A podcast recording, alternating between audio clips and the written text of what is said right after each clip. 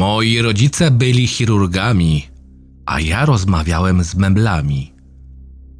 Dorastałem w okolicy, gdzie pełno było ogromnych posiadłości i bogatych rodzin. Ich wille tworzyły zamknięty, prywatny raj, a kontakt z sąsiadami zdarzał się tylko dziwnym przypadkiem. Uczyłem się w domu do siódmego roku życia, gdzie kończy się ta historia. Wszystko zaczęło się, gdy miałem cztery lata. Tam sięgają moje pierwsze wspomnienia.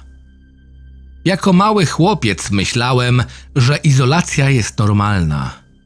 Zawsze, gdy moi rodzice wychodzili, prosiłem, by zabrali mnie ze sobą, ale zawsze odmawiali i tłumaczyli, że tylko dorośli wychodzą z domu w bardzo ważnych przypadkach. Oprócz tego, nigdy nie miałem zabawek czy aktywności, więc wykształciłem, jak to moi rodzice określili, dziką wyobraźnię.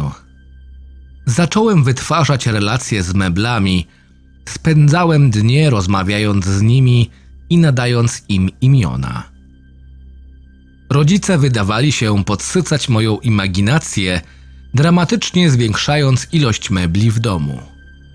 Mój ojciec uważał się za złotą rączkę i często tłumaczył mi swoją miłość do konstruowania rzeczy, wyjaśniając przy okazji, jak stworzył poszczególne części. Przez trzy lata pogłębiałem relacje z meblami. Arnold był miękką sofą w salonie, która wydawała się poruszać w górę i w dół, gdy leżałem na niej, czytając książkę.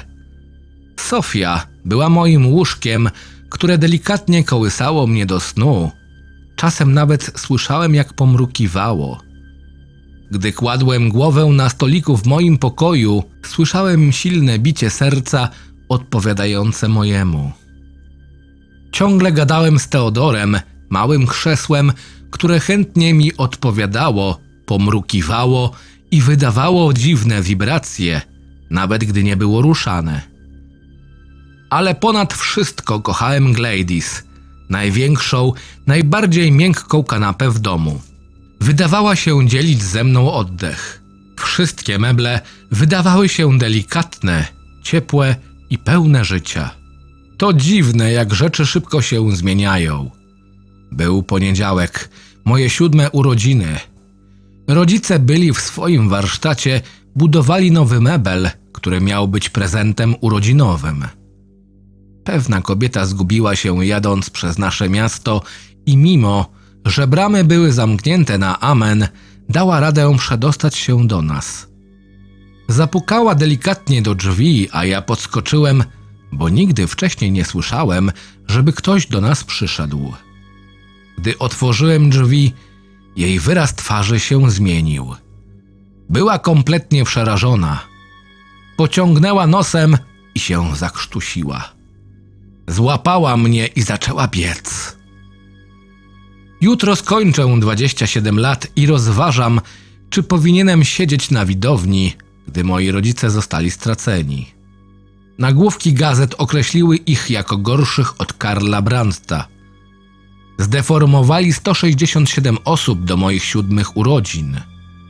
Nigdy nie nazwano ich mordercami, bo nikt nie zginął, ale ich zbrodnia była nawet gorsza od morderstwa.